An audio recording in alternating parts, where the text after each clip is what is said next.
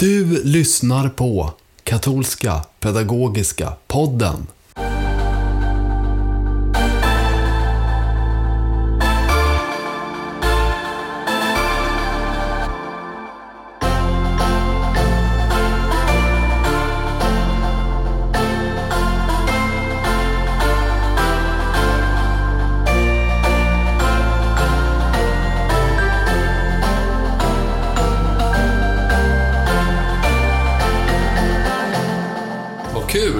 Sitter Jim Lagerlöf och Ulrika Erlandsson. Det är del tre av Katolska Pedagogiska Podden. Hejsan! Hej alla som lyssnar. Vad är på gång? Det är Kristi himmelsfärd snart när vi spelar in det här. Vi tittar framåt mot Kristi himmelsfärd och det har varit fina dagar vädermässigt men idag regnar det faktiskt. Ja, det behövdes lite i naturen också tror jag. Ja. Och det är mycket på gång nu inför, på KPN vi har lite den här årsjul att nu innan sommaren då vill vi ha många trycksaker färdiga. Och ehm, vi trycker om många av våra böcker, men ofta är det så att vi också får, har fått synpunkter och vi bearbetar dem. Och nu till exempel vårt konfirmandmaterial Krisma som fortfarande används av i många församlingar. den där gröna boken. Ja, precis. Som är för klass 8 och 9. Och där har vi gjort en stor bearbetning, inte minst tack vare hjälp av Lisa Wetterberg som kommer vara med i familjepastorala teamet till hösten Ehm, och har stor erfarenhet av att tala om kroppens teologi och kyskhet och kärlek med ungdomar.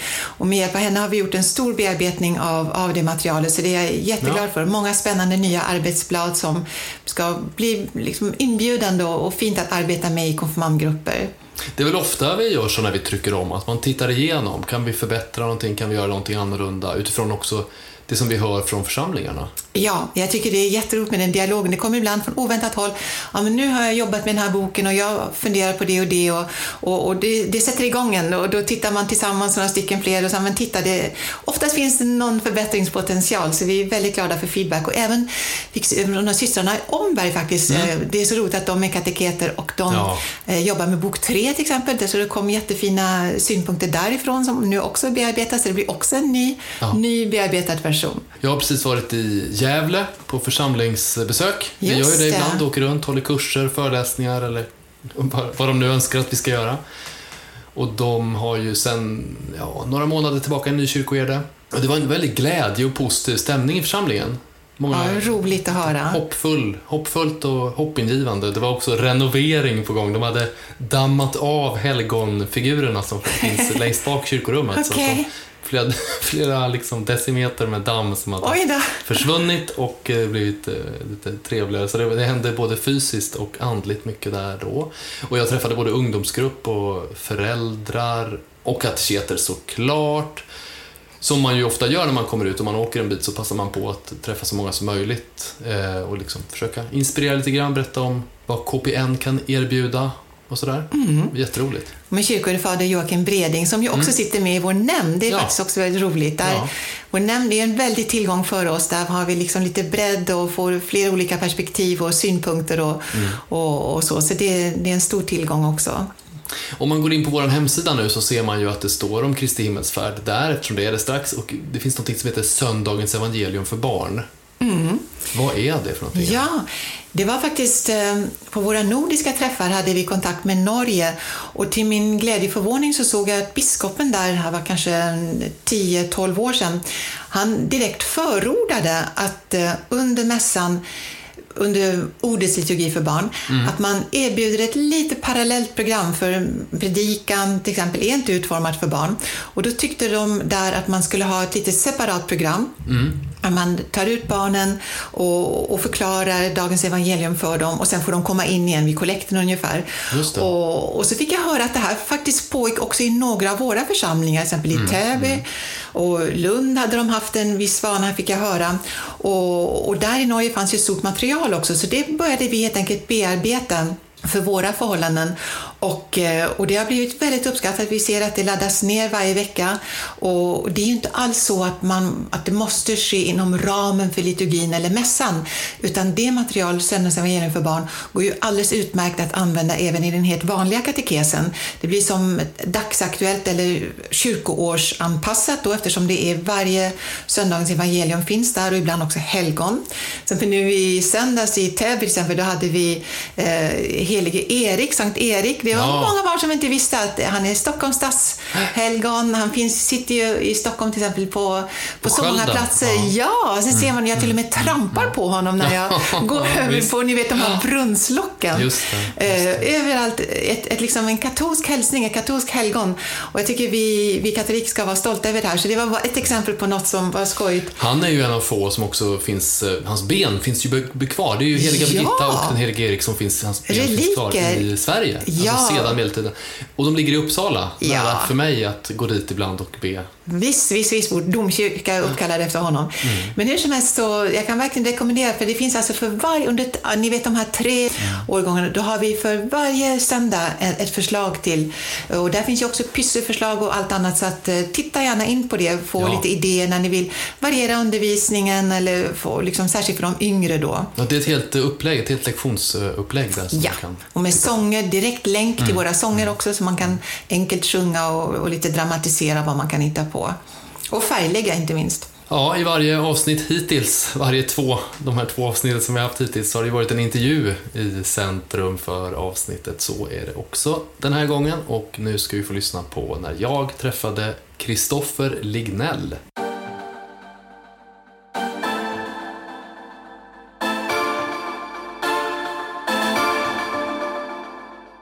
Kristoffer Lignell är verksamhetsutvecklare på studieförbundet Bilda han har tidigare varit präst i Evangeliska Fosterlandsstiftelsen, EFS, men upptogs vid påsken förra året i den katolska kyrkans förra gemenskap.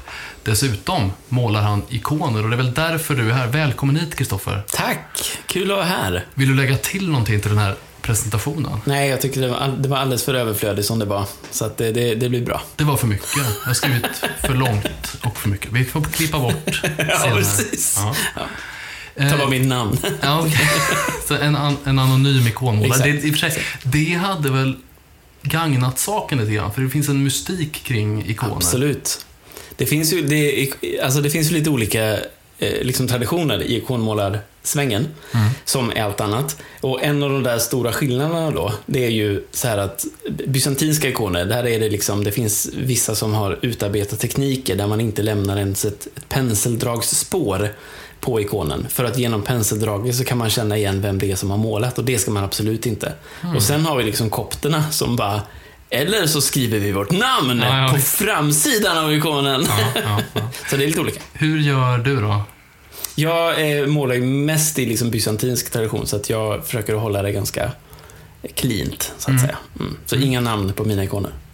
Just det, vi ska prata lite grann om att du målar ikoner, vi ska prata lite grann om vad ikoner är för någonting, vad poängen är kanske om man får säga så. Just det. Eh, men ska vi börja med ditt intresse för ikoner? Mm. Var kommer det ifrån? Ja, alltså jag får ju den frågan lite nu och då och det bästa svaret är jag vet inte. Mm. Eh, för mig, jag är uppvuxen i goda, varma kristna miljöer. Mm. Eh, väckelserörelse, EFS det var ju inte utsmyckningen, Nej. så att säga, som var den stora grejen. Utan jag, jag är liksom kommer ifrån, ja, såklart både möten med Svenska kyrkan och eh, men liksom annars vitmålade bönhus. Ja. Det intressanta var ju dock att det fanns ju bilder av Jesus. De här klassiska liksom, tavlorna och moderna målningarna, men de satt ju aldrig i gudstjänstlokalen. Utan de satt ju alltid liksom i fikalokalen. Där just kunde det, det finnas någon liksom mm. Jesus med något lamm mm. eller någon ängel med barn och sådär. Mm. Och det är intressant, för det säger ju att bilden fortfarande behövs hela tiden. Det, det, man kommer inte undan den där bilden. Liksom. För mig så var det något möte någonstans med ikonen som, som, det hände någonting. Det är lite som när man, varför blev jag kär i min fru? Jag vet mm. inte faktiskt. Men jag blev det. Och ja. är fortfarande det. Så det väcktes någonting i mig eh, just kring ikonen eh, som jag faktiskt inte riktigt kan sätta ord på. Kommer du ihåg någon ikon då som du tyckte särskilt mycket om eller som du fastnade för? Jag mötte ikoner bland annat, men både i liksom klostermiljöer inte minst. Men sen också, vi har ju en förträfflig bokhandel i Lund. Mm, arken. Arken. Och den, där, där liksom har alltid funnits, så länge jag kommer ihåg, funnits ikoner. Så att man har mött ikoner på lite olika ställen. Mm. Men sen har det inte minst varit i relation till retriter. Ja. Ehm, Jag har uppe på, varit uppe mycket på, mycket, men jag har varit uppe flera gånger på retreat på eh, berget. Mm, I Rättvik, I Dalarna. Rättvik, precis. Och de ikonerna där, och där vet jag en av de det första gången jag var där så gick syster Veronica runt och liksom visade runt på, på berget. Mm. Och då hade hon en jättekort men otroligt vacker meditation över eh, bebådelseikonen som finns på berget. Och jag vet att där, det är en av de där ikonerna som, som är liksom... Eh, jag kommer ihåg verkligen ett möte med, den, med bilden och med ikonen. Mm. Och det, är liksom, det kändes som att... eh, Vad ska man säga? Det kändes som att man helt plötsligt så bara öppnades upp. Sagan om ringen. Sagan Mm, om två mm, tornen i mm, början där när liksom Gandalf kämpar mot Balroggen. Och sen så helt plötsligt så öppnar sig bara upp en, liksom en total jätte, jättelik grotta som de faller nerför liksom in i, i, i Moria botten, berg. Ja, liksom. precis.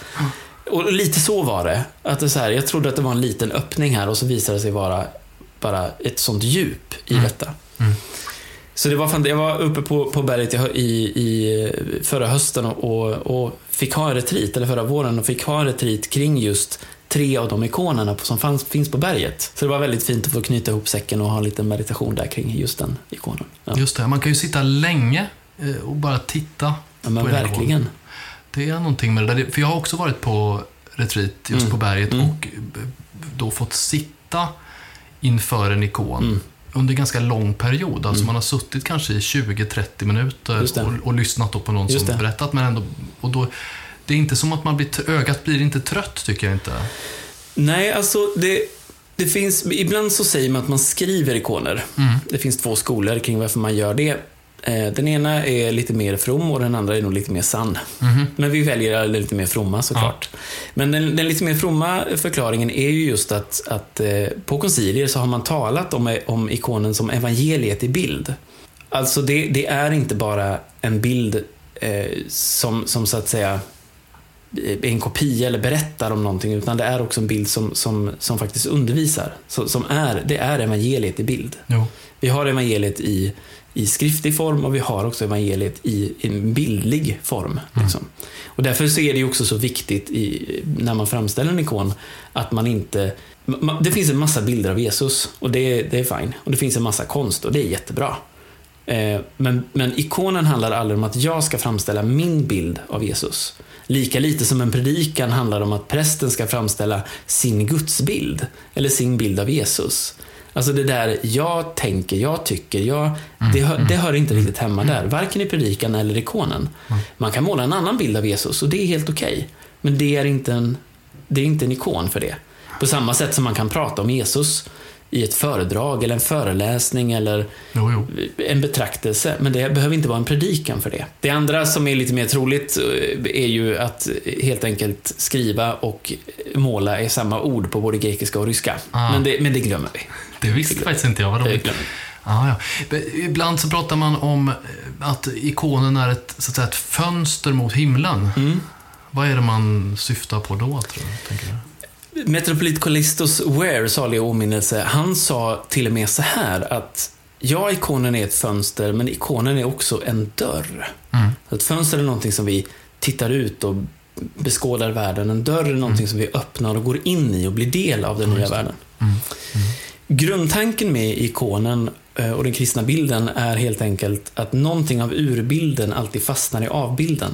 Ja. Det är därför människan är Guds avbild. Människan är Guds ikon.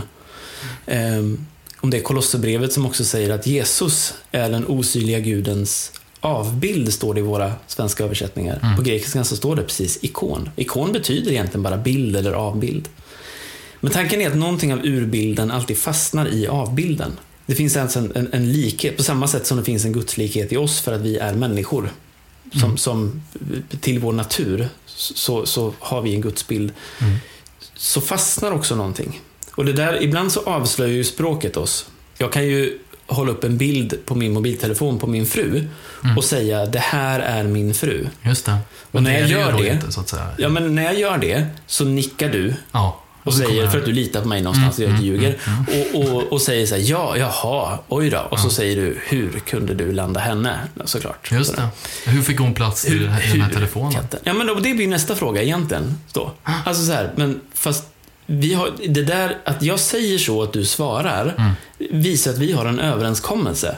För du vet ju att jag inte är gift med en mobiltelefon. Mm, Och precis på samma sätt så när vi som kristna eh, håller fram en ikon och säger det här är Jesus Kristus. Eller här är Guds moder Maria. Så menar vi ju inte trät är min Gud.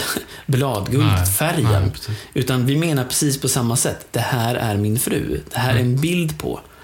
Och därför så brukar jag ibland säga liksom att för oss, speciellt oss som kristna i liksom den västliga kultursfären, den västliga delen av kyrkan, vi mår ibland bra att tänka på ikonen mindre som ett konstverk och mer som ett fotografi.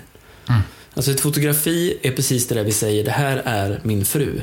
Mm. Ehm, är vi bort, bortresta kanske vi har med oss ett litet fotografi. När man var yngre så klippte man ur eh, liksom ur skolfotokatalogen, tjejen som man gillade i Jo, jo. klassen. Ringade Liksom. Och så hade man med, ringade in, eller så hade man med till och med i liksom plånboken. Mm. Eh, och var man ute på resa så kunde man till och med ta fram den där lilla bilden och kyssa den och ställa den bredvid väckarklockan eller någonting. Mm. Så, så jag, tror, jag tror ibland att vi kan förstå hur kyrkan tänker och, och handlar kring ikonen genom att se på den mer som, som ett fotografi än ett konstverk. Och då kommer vi till den ursprungliga frågan. Alltså ikonen som fönster och också ikonen först och främst som någon som ser mig. Mm. Alltså vi, vi är så vana just när vi har konst att vi ska beskåda. Det finns ett djup ofta i bilderna och vi ska dra mening ur detta. Mm. Ikonen, likt Bibeln, är inte till för oss att bedöma eller egentligen ens förstå. Mm. Utan det är till för att hjälpa oss att förstå. Och det är mycket symbolik såklart. Ja, det är många, många, eh, vad kan man kalla det för, alltså tecken eller man, man, man skriver på ett visst sätt Mm. för att man vill säga någonting. Jag minns Mm. att jag, när man upptäckte det att Jesus ibland i Marias famn har liksom vuxna proportioner. Mm, just det. Då, då undrar man varför är det så? Och då Mm. har någon berättat att eh, ja, men det beror på att eh, hon i sin famn, vill ikonmålaren säga, har hela det är Gud. Precis. Och inte bara ett litet barn där, Mm. utan hon har Gud i famnen. Eh, och när jag, jag minns att jag berättade, återberättade det för någon och den personen sa, ja det kan ju också bero på att man inte var så duktiga på att måla på den tiden. Ja, så kan Ja. det också vara. Men Ja, jag, jag det är mycket möjligt. Nej, det är inte alls säkert att det, för jag tror men- att man måste ändå orka se att det finns någon som har tänkt efter. Jo, men jag, jag tror så här att, att ehm, man kan inte veta någonting som man inte redan vet. Och jag tror att många av oss som vill man närma sig ikonen så, så kan man ibland behöva små nycklar. Mhm. På tal om ikonen som en dörr. Mm. Alltså hur får man upp dörren då? Ja, genom en nyckel. Mm. Och, och ibland så kan det vara bra att så här, men köp en liten bok om ikoner. Mm. Eh, och bara läs på lite för att, inte för att liksom uttömma, utan för att bara få lite verktyg och lite nycklar som kan liksom öppna upp den där dörren. Ikonen är ju, inte, är ju aldrig tänkt från början faktiskt att vara en, en, en exakt eh, avbild av personen. Lika lite som egentligen evangelierna är tänkt att vara historieskrivning som vi eh, eh, tänker på det än idag. Eh, men de vill ge en bild. Liksom. Mm. Men de, ikonen vill inte heller ge oss bilden av hur det är här och nu, eller hur det var för 2000 år sedan. Utan ikonen vill också ge oss bilden av Guds rike. Mm. Eh, hur ser den förhärligade människan ut? Hur, hur ser en förhärligad värld ut? Det är det här som guldet också i ikonen Mm. hjälper oss och påminner oss om. Om att det här är, är det en ikon av ett helgon så, så kan den, det helgonet framställas i så att säga sin naturliga tid och, och plats. Men samtidigt så ser man att proportionerna stämmer inte riktigt. Det, det, är, liksom, det är skevt och det är annorlunda. Och Så här ser ju inte en människa ut med så här långa näsor. Och, nej, det är inte tanken heller. Utan tanken är att, och där, då kommer vi till den här fönstren och den här dörren igen. Att ikonerna vill, vill öppna upp Guds rike för oss och ge oss en annan bild av, oss själva eh, och också hur världen kan se ut. Alltså de vill locka oss till helighet skulle vi kunna säga. Mm. Och där tänker jag att här, här är verkligen, jag tycker inte att det är märkligt att ikonen har fått någon typ av renässans också ekumeniskt. Alltså i andra, Nej. idag kan man ju hitta ikoner i frikyrkor också. Inte Ja, framme, visst, visst. men nere vid en liten ljuständningsstation. Sådär. Och, och jag tror att det har att göra med att vi har gått mer och mer från en, från en skriftlig kultur till en, en bildkultur igen. Med Instagram, med Mm. sociala medier och, vi, och inte minst reklamen. Alltså, forskare menar på att våra hjärnor kan registrera om det är 3500 bilder eller någonting och budskap under en dag. Mm. Och majoriteten av det är reklam. Ja, Och reklamen vill alltid sälja oss någonting, men djupast sett så vill reklamen gör, göra det genom att presentera det goda livet för oss. Så här, hur skulle ditt liv se ut om du... Ditt liv kan se så bra ut om du bara får åka till Thailand, ha en ny mobiltelefon, whatever. Mm. Där behöver vi ikonen som kristna för att påminna oss om vad vi borde längta efter. Alltså vi, ikonen vill inte sälja oss någonting. Ikonen är därför inte heller till för att, att jag ska sitta och titta på och säga det var en fin eller ful ikon. Utan ikonen är först och främst någon som ser mig Mm. och som frågar mig, längtar du efter det här? Och djupast sett Kristus som säger, längtar du efter mig? Inte minst eh, våra vänner som, som, eh, och våra kristna bröder och systrar i andra kyrkor kan, kan ibland liksom, ja men Jesus är okej, Maria, mm, okej, en ikon på Maria kan funka men bara Jesus är med liksom. Ja, men, men var helgon, kristen. ja det känns lite knepigt. Och då brukar jag försöka säga det liksom att, titta på glorian. Glorian på helgonen är bilden av en människa som är genomlyst. Av vad då? Ja, Av den helige Ande. Alltså, det som utgår, det som, det som utgör glorian på, på helgonen är egentligen inget annat än Kristus själv som lyser genom dem. Så därför så är varje ikon, om det sen är avbildat ett helgon, Guds moder Maria, vad änglarna, vad som helst, är en ikon av Kristus. Mm. Och, och inte, jag ska inte säga poängen, men, men ett av liksom det som ikonen har betytt bland annat för mig är ju att ikonen påminner oss om vilka alla människor är. Alla människor är Guds ikoner. Just det. Alla människor är Guds skapelse. Alla människor är Guds avbilder. Mm. Men det påminner också om vad vi ska bli. Vår- Vårt mål är helighet. Och vad är helighet? Jesus Kristus. Vi ska formas till hans sons avbild, står det i Nya Testamentet. Så ikonen påminner oss också om både om vad, vad vi är från början och vad varje människa är. Och sen också vad vi ska bli. Och där kan man se, där kan man se livet som människa och, och inte minst livet som kristen som en lång restaurering. Jo, jo Av en absolut. ikon. Visst, ja. Och, och förhoppningen är ju att, att kan jag igenkänna Kristus i ikonen så kan jag också igenkänna Kristus-ikonen i min medmänniska. Mhm. Ibland är det svårt. Eh, vissa människor som vi kan ha personligt svårt för eller människor som har gjort eh, svåra liksom, synder och betett sig. Eh, där, kan, där kan det vara så mycket smuts, eh, skit, revor i ikonen att vi knappt känner igen att det är en ikon. Det är knappt en avbild här. Men, men den förstörs aldrig. Synden förstör aldrig avbildslikheten. Därför så är det ju också, eh, påminner oss ikonen om att ja, men varje människa bär den här ikonen. Om du bär den här ikonen, hur tar du hand om den? Kan andra se den här Kristusikonen i dig? Att vara ikonmålare så, så eh, är egentligen inget annat än att eh, det är ett sätt att vara kristen för mig. Och det är Ja, ett men, sätt att eh, liksom vara kyrka för mig. Precis, och eh, för du blev ju, först blev du intresserad av Mm, precis. ikonerna och sen ville du själv skriva ikoner. då. Ja, alltså jag har aldrig haft pengar att köpa en ikon. Mhm. Jag, jag har en målad ikon som jag själv inte har målat hemma. Den fick jag när jag fyllde 40. Ja. Ehm, så jag tänkte, nej men då får jag väl göra det själv då. Mm. Så jag, eh, sen fick jag faktiskt en ikonmålarkurs när jag fyllde 30 då, för 11 år sedan. Mm. Ehm, av min familj. Ja. Så jag åkte iväg till Nya slottet Bjärka-Säby Mhm. och var på ikonmålarkurs i fem dagar. Ehm, och sen så fortsatte jag, jag hade möjligheten att sitta, jag jobbade som präst då, så jag hade måndagar ledigt. Och då kunde jag sitta och måla på måndagarna. Mhm. Och göra fel och göra fult och försöka igen och misslyckas. Och sen har jag haft möjlighet att åka ner några gånger till eh, ett ekumeniskt kloster i norra Italien, Monastero di Bose, och måla för broder Norberto där nere. Så det Ja. har jag gjort en, en tre, fyra gånger. Mm. Vad är det du har lärt dig, om man säger så? Då? Alltså, vad, vad, är, vad är konsten? Vad går den ut på? Vad ska man kunna om man ska, när man målar eller skriver ikon? Alltså, jag, jag eh, tänker på... Jag, jag, jag kan jämföra ikonmåleriet ganska mycket med just predikan. Mhm. Både det här som jag sa innan, att, att eh, det handlar om att, att förmedla vad kyrkan tror om Kristus. Jo. Inte, vad- inte min bild av Jesus. Ja, det. Men det handlar också om den här dubbelsidigheten, att förbereda en predikan. Mm. Där det både handlar om ett, ett rent, ett ganska praktiskt hantverk. Vilka böcker ska jag ha? Hur gör jag en inledning? Hur gör jag en avslutning? Mhm. Sådär. Mm. Ehm, hur jobbar jag med, med texterna?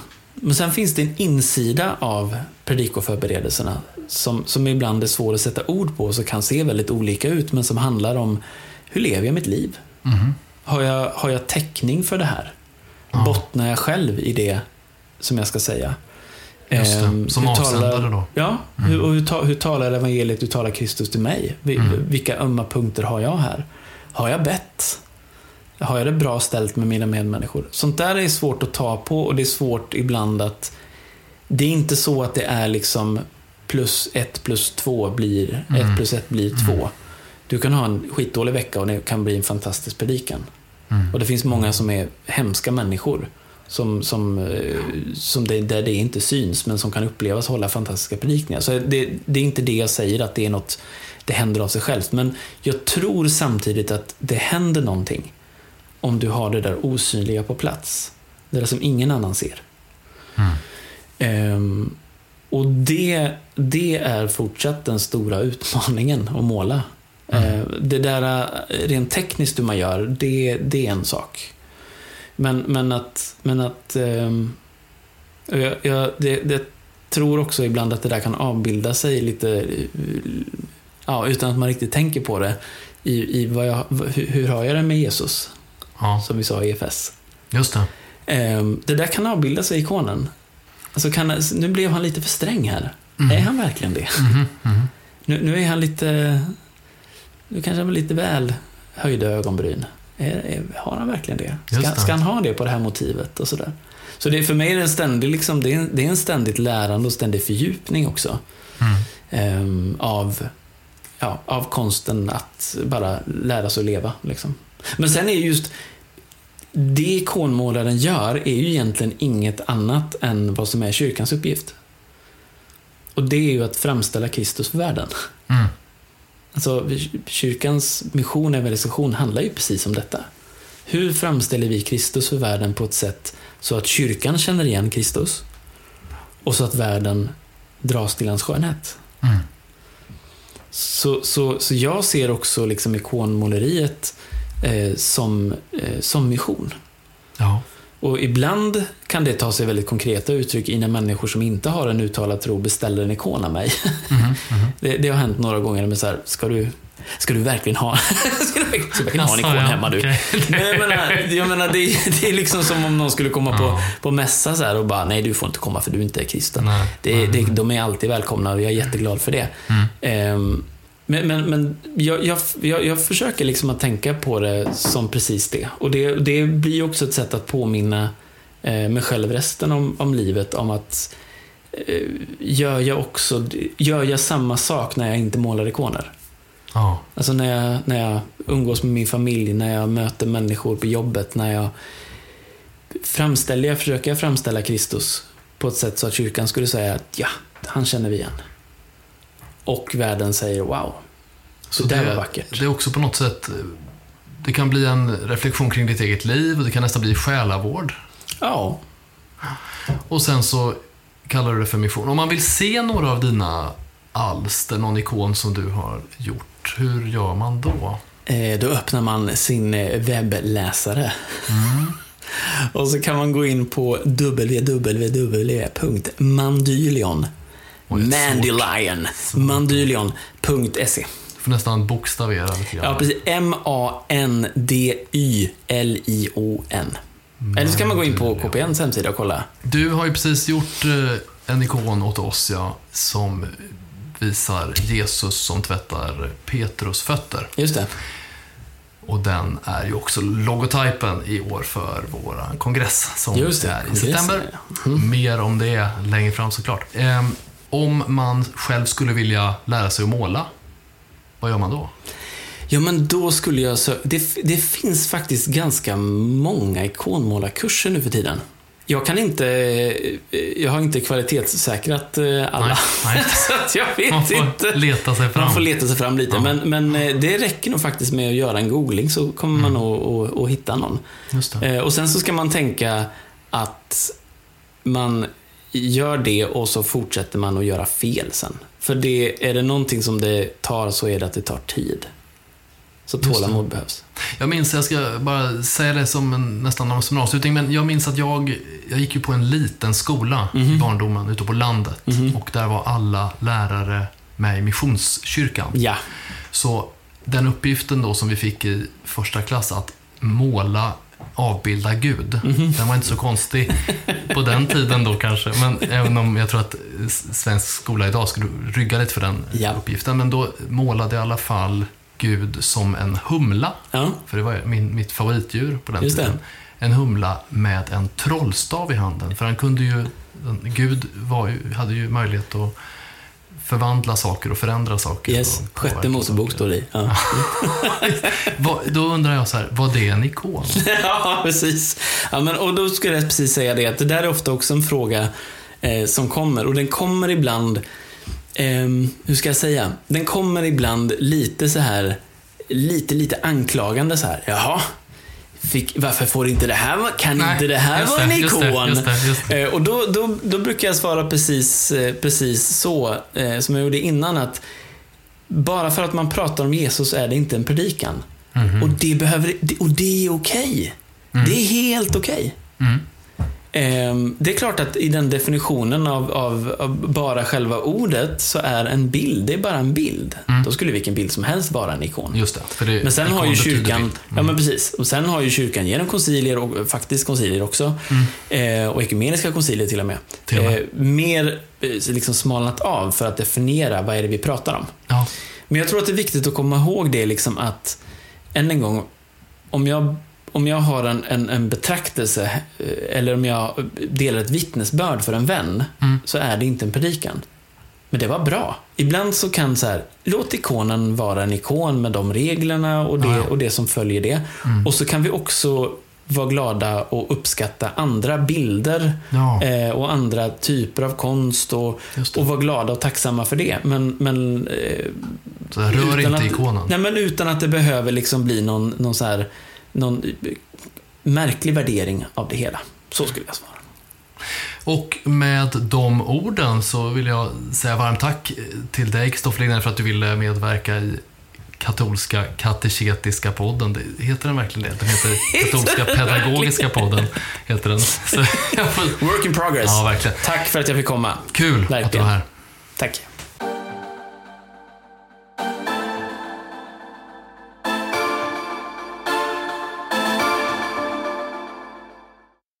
Ja, det gäller att hålla tungan rätt, i mun. Mu- ja, det gjorde jag inte. Det.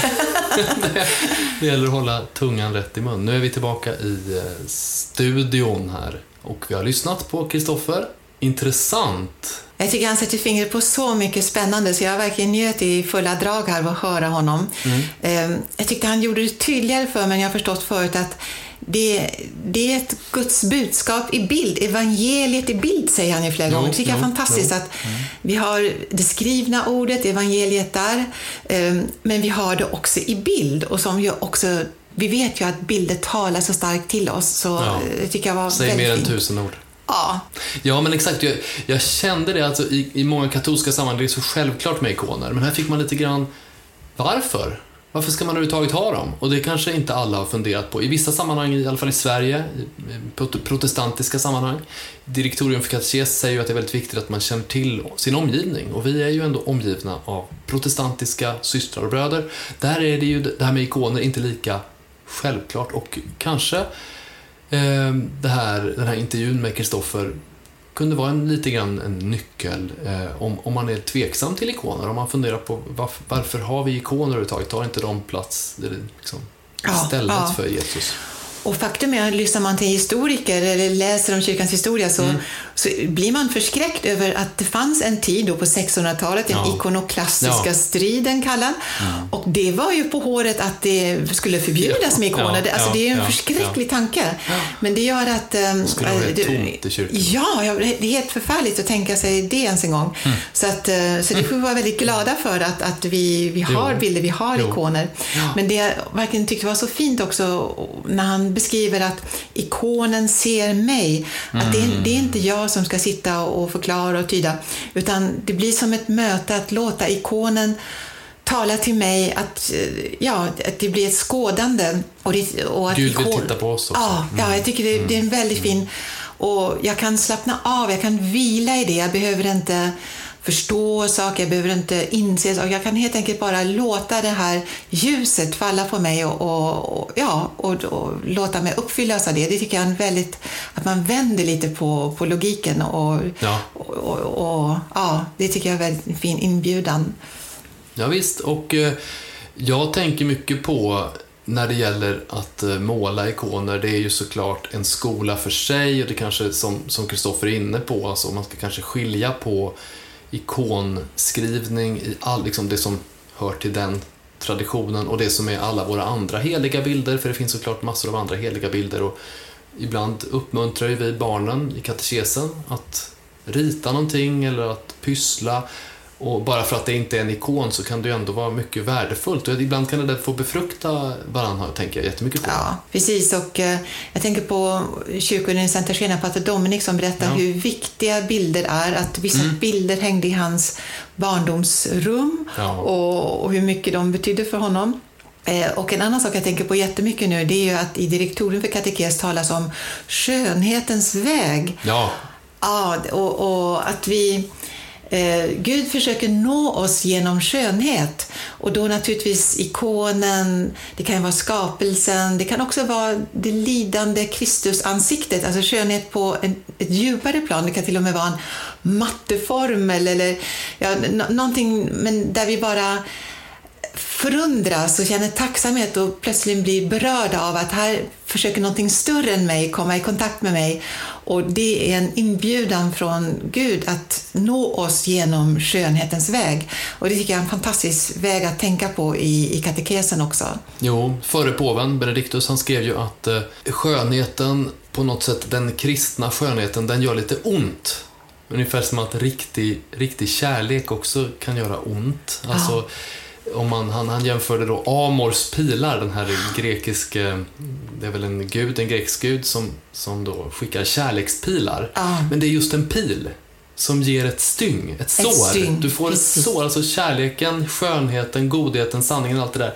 Det, det gör att du får ett styng utav det, så att du liksom blir Ja. på något sätt sårad utav skönheten eller kärleken eller sanningen. Det kan man ju känna igen, precis som att jag personligen i alla fall kan tycka att melankolisk musik kan vara något av det vackraste som finns, för att det liksom talar mer än någonting annat kan göra om livet på riktigt. Så kan också riktig, riktig skönhet göra, riktig konst. Verkligen.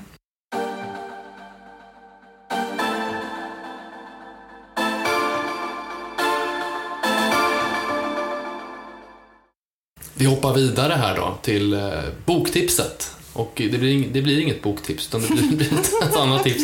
Vi tipsar lite om vissa resurser som finns på kpn.se, på vår hemsida. Ja, vi har ju mycket gratis resurser och eh, en sak som jag fortfarande träffar eh, kateketer som inte känner till, att vi har något som heter verktygslådor, som är en samling med pedagogiska tips för olika sammanhang. Till Var exempel. hittar man den då? Allting på KPNs hemsida. Om man går in på resurser. Så, Resurser. Ja, precis. Så där, där finns det. Då hittar man till exempel dessa verktygslådor med praktiska exempel på liksom, sidor att kopiera, jobba med direkt i, väldigt så hands-on, att man kan direkt börja anv- använda det. Massor av arbetsblad. Ja, precis. Lite sammanställt. Och, eh, våra pappersrullsfigurer tycker jag Ja, borde lyftas visst. fram här också. Vi har små riktigt underbara karaktärer Mm. med många bibliska gestalter, många helgon. Man kan lätt skriva ut och så sparar man en sån här liten toarulle och så kan man lätt få lite mer liv i sin berättelse för, för de yngre barnen. Man tillverkar liksom sina egna små figurer då.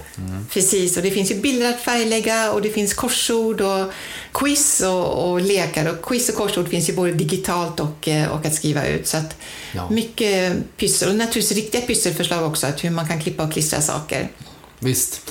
För det här, jag tänker väldigt mycket på, ibland så får man ju den här frågan om hur ska jag få barnen att sitta stilla och lyssna. Om man nu tycker att det är ett självändamål. Ibland kan det ju vara vettigt att barnen sitter stilla och lyssnar i alla fall en liten stund och då kan det få vara så att eh, sätt någonting i händerna på de där riktigt busiga då kanske de lugnar ner sig lite grann. Jag vet inte. Det finns ju det, en av de första lektionerna på lärarutbildningen handlade om eh, att, att olika människor tar in kunskap på olika sätt. Det är inte bara det att en lärare kan ha olika lärstil, eller hur? Just det, Alla olika lärare lärstilar. ja, man undervisar på olika sätt. Men, men det är också det att vi som så att säga, elever, vi tar in kunskap på olika sätt. Vissa är jätteduktiga lyssnare och de tar in i första hand genom att lyssna, lyssna, lyssna. Och de klarar av att lyssna länge också. Mm. Andra är ju synintrycken, det centrala. För de flesta är det så. Synintrycken spelar väldigt stor roll. Mm. Ehm, läsa, bilder som vi har varit inne på jättemycket. Jag, jag tror ju att om man är en duktig kateket så kombinerar man ju berättande, sånt som syns, sånt som hörs. Men, men, men för några är det, och det är lite jobbigt för oss då, för några är det viktigt att de har någonting i handen om de måste lyssna en längre stund.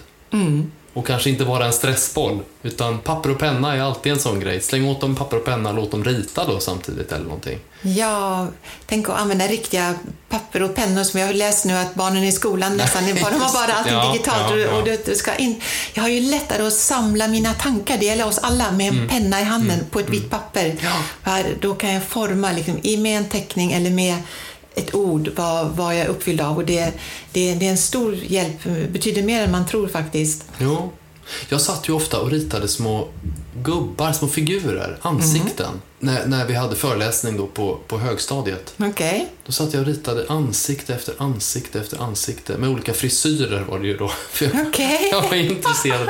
Men det gjorde i alla fall att jag satt stilla och, och tyst på min plats i alla fall. Det, det tror jag var bra för den läraren. Och jag nu i söndags till exempel hade jag min grupp, eh, de går i femman, sexan, sjuan, en blandad grupp i Täby. Ja, Och, eh, och då, då skulle vi göra runda, de skulle alla berätta vilka pärlor de hade hittat i, i vår, den bok vi använder. Mm. Det glada budskapet. Och då, eh, och då använde vi Bildas hjärta. Det ska inte underskatta Nej, den här fina lilla, som en kudde, minikudde. Och, och var en liksom fick, fick tala sina minuter med det här kudden. Och det, det blev lite extra högtidligt och ett extra skärpt lyssnande och kanske hjälpte dem också att koncentrera och fokusera sig när de skulle uttrycka. Så det där lilla, eh, Bildas lilla hjärta tycker jag också att jag vill göra lite, lite reklam för. Ja, den finns ju i Bildas ledarskapsväska, tror jag. Och den, är väl må- den finns i många församlingar, tror jag. För att Ja. Studieförbundet Bilda är ju en resurs som vi kan använda ute i alla församlingar om Ja. man vill det.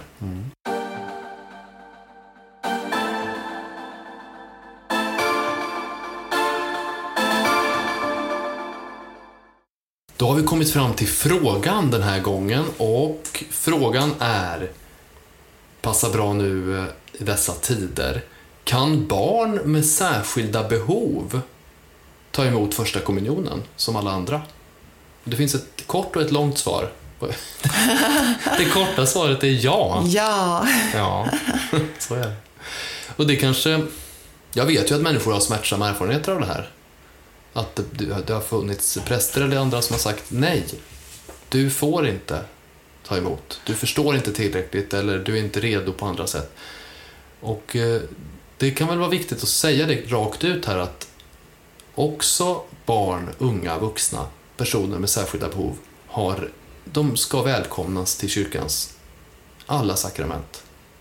Mm, mm. Och vi talar alltså om, det kan vara någon person som ligger i rullstol och inte är förmögen att tala och har jättesvårt att kommunicera och liksom gravt, gravt funktionsnedsatt.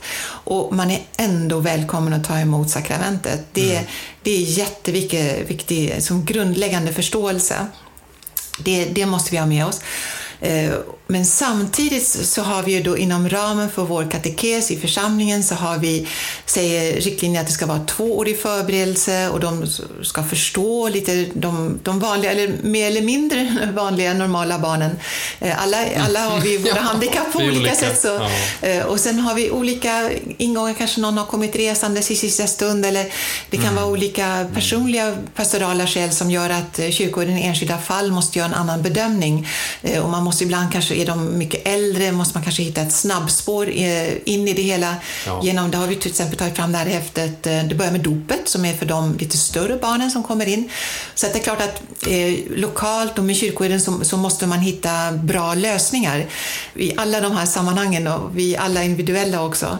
Eh, men, men där, som, som grund måste man veta att vi, vi får inte i princip förvägra någon av, på grund av bristande kognitiv förmåga till exempel, eller naturligtvis inte heller fysisk förmåga. Så det, det är ändå jätteviktigt att få med sig. Jo, sen kan det ju vara en utmaning. Och jag tror att eh, som kateket, man är ju sällan utbildad specialpedagog. Mm. Och det, det är samma i skolan ju. De flesta lärare är inte specialpedagoger. Mm. Jag tycker det finns om man ska säga någonting om det här så tycker jag man kan säga så här. Äh, det som funkar för så många som möjligt, det är någonting bra med det. Om man har tänkt på innan, ha inte för liten text i text som du delar ut. Eller om du visar bilder och det finns personer som inte ser så bra, berätta vad som är på bilderna.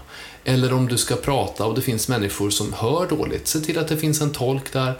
Såna enkla basic-grejer försök ta reda på vilka barn är det du har framför dig. Det är ju alltid det. det är ju, ja, såklart. En kateket är väl intresserad av vilka är det jag undervisar och så att liksom på något sätt vara, försöka vara på deras nivå. Men, men jag tror att dels det här, göra de här liksom grundläggande anpassningarna. Sen handlar det om att möta var och en där den är. Och det är klart, det tar tid och det är en utmaning. Men på sikt, i längden, är det värt det ju. Sen försöker vi ju nu hjälpa till lite grann. Jag, jag har suttit och varit eh, projektledare lite grann för att ta fram ett material. En lärarhandledning för de av er kateketer som har grupper eller där det i, i era grupper finns barn med särskilda behov. Där ni kan få lite inspiration och tips, förslag på upplägg, förslag på sånger att sjunga, lite andra saker. Och det där kommer, het, det kommer alldeles strax till, mm. det är på väg till tryckeriet alldeles strax här och det heter Mitt ibland oss. För de här barnen finns mitt ibland oss och de är en del av gemenskapen. Eh, och det behöver vi liksom bejaka och förstå och ta vara på. Mm, mm. Och det kommer finnas en film till också. Ja.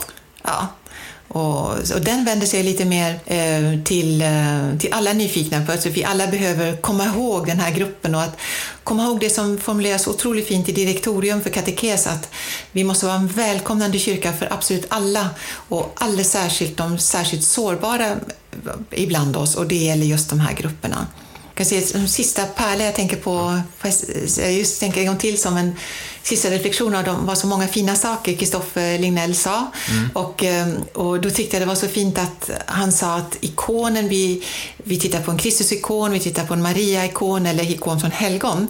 Men ja. i grunden så är det Kristus som talar till oss genom alla dessa olika helgon, genom Maria, genom, så det, det är Kristi närvaro och, och, och ju, ju, lyskraft som, som ikonen så att säga uttrycker. Och det är grunden, det är glorian mm. eh, som uttrycker det och det tycker mm. jag var väldigt fint och jag är så glad över att han faktiskt, Kristoffer, eh, ritade, eller skrev som man säger, ikonen för kongressen. Ja. Det, var, det var en otroligt, det blev en så fin ikon och den fångar så fint det som kongressen ska handla om. Ja, visst. Så Jesus ser på oss med kärlek. Med vissheten om det så går vi vidare ut i världen utanför den här podden. Tack så jättemycket för att du har lyssnat.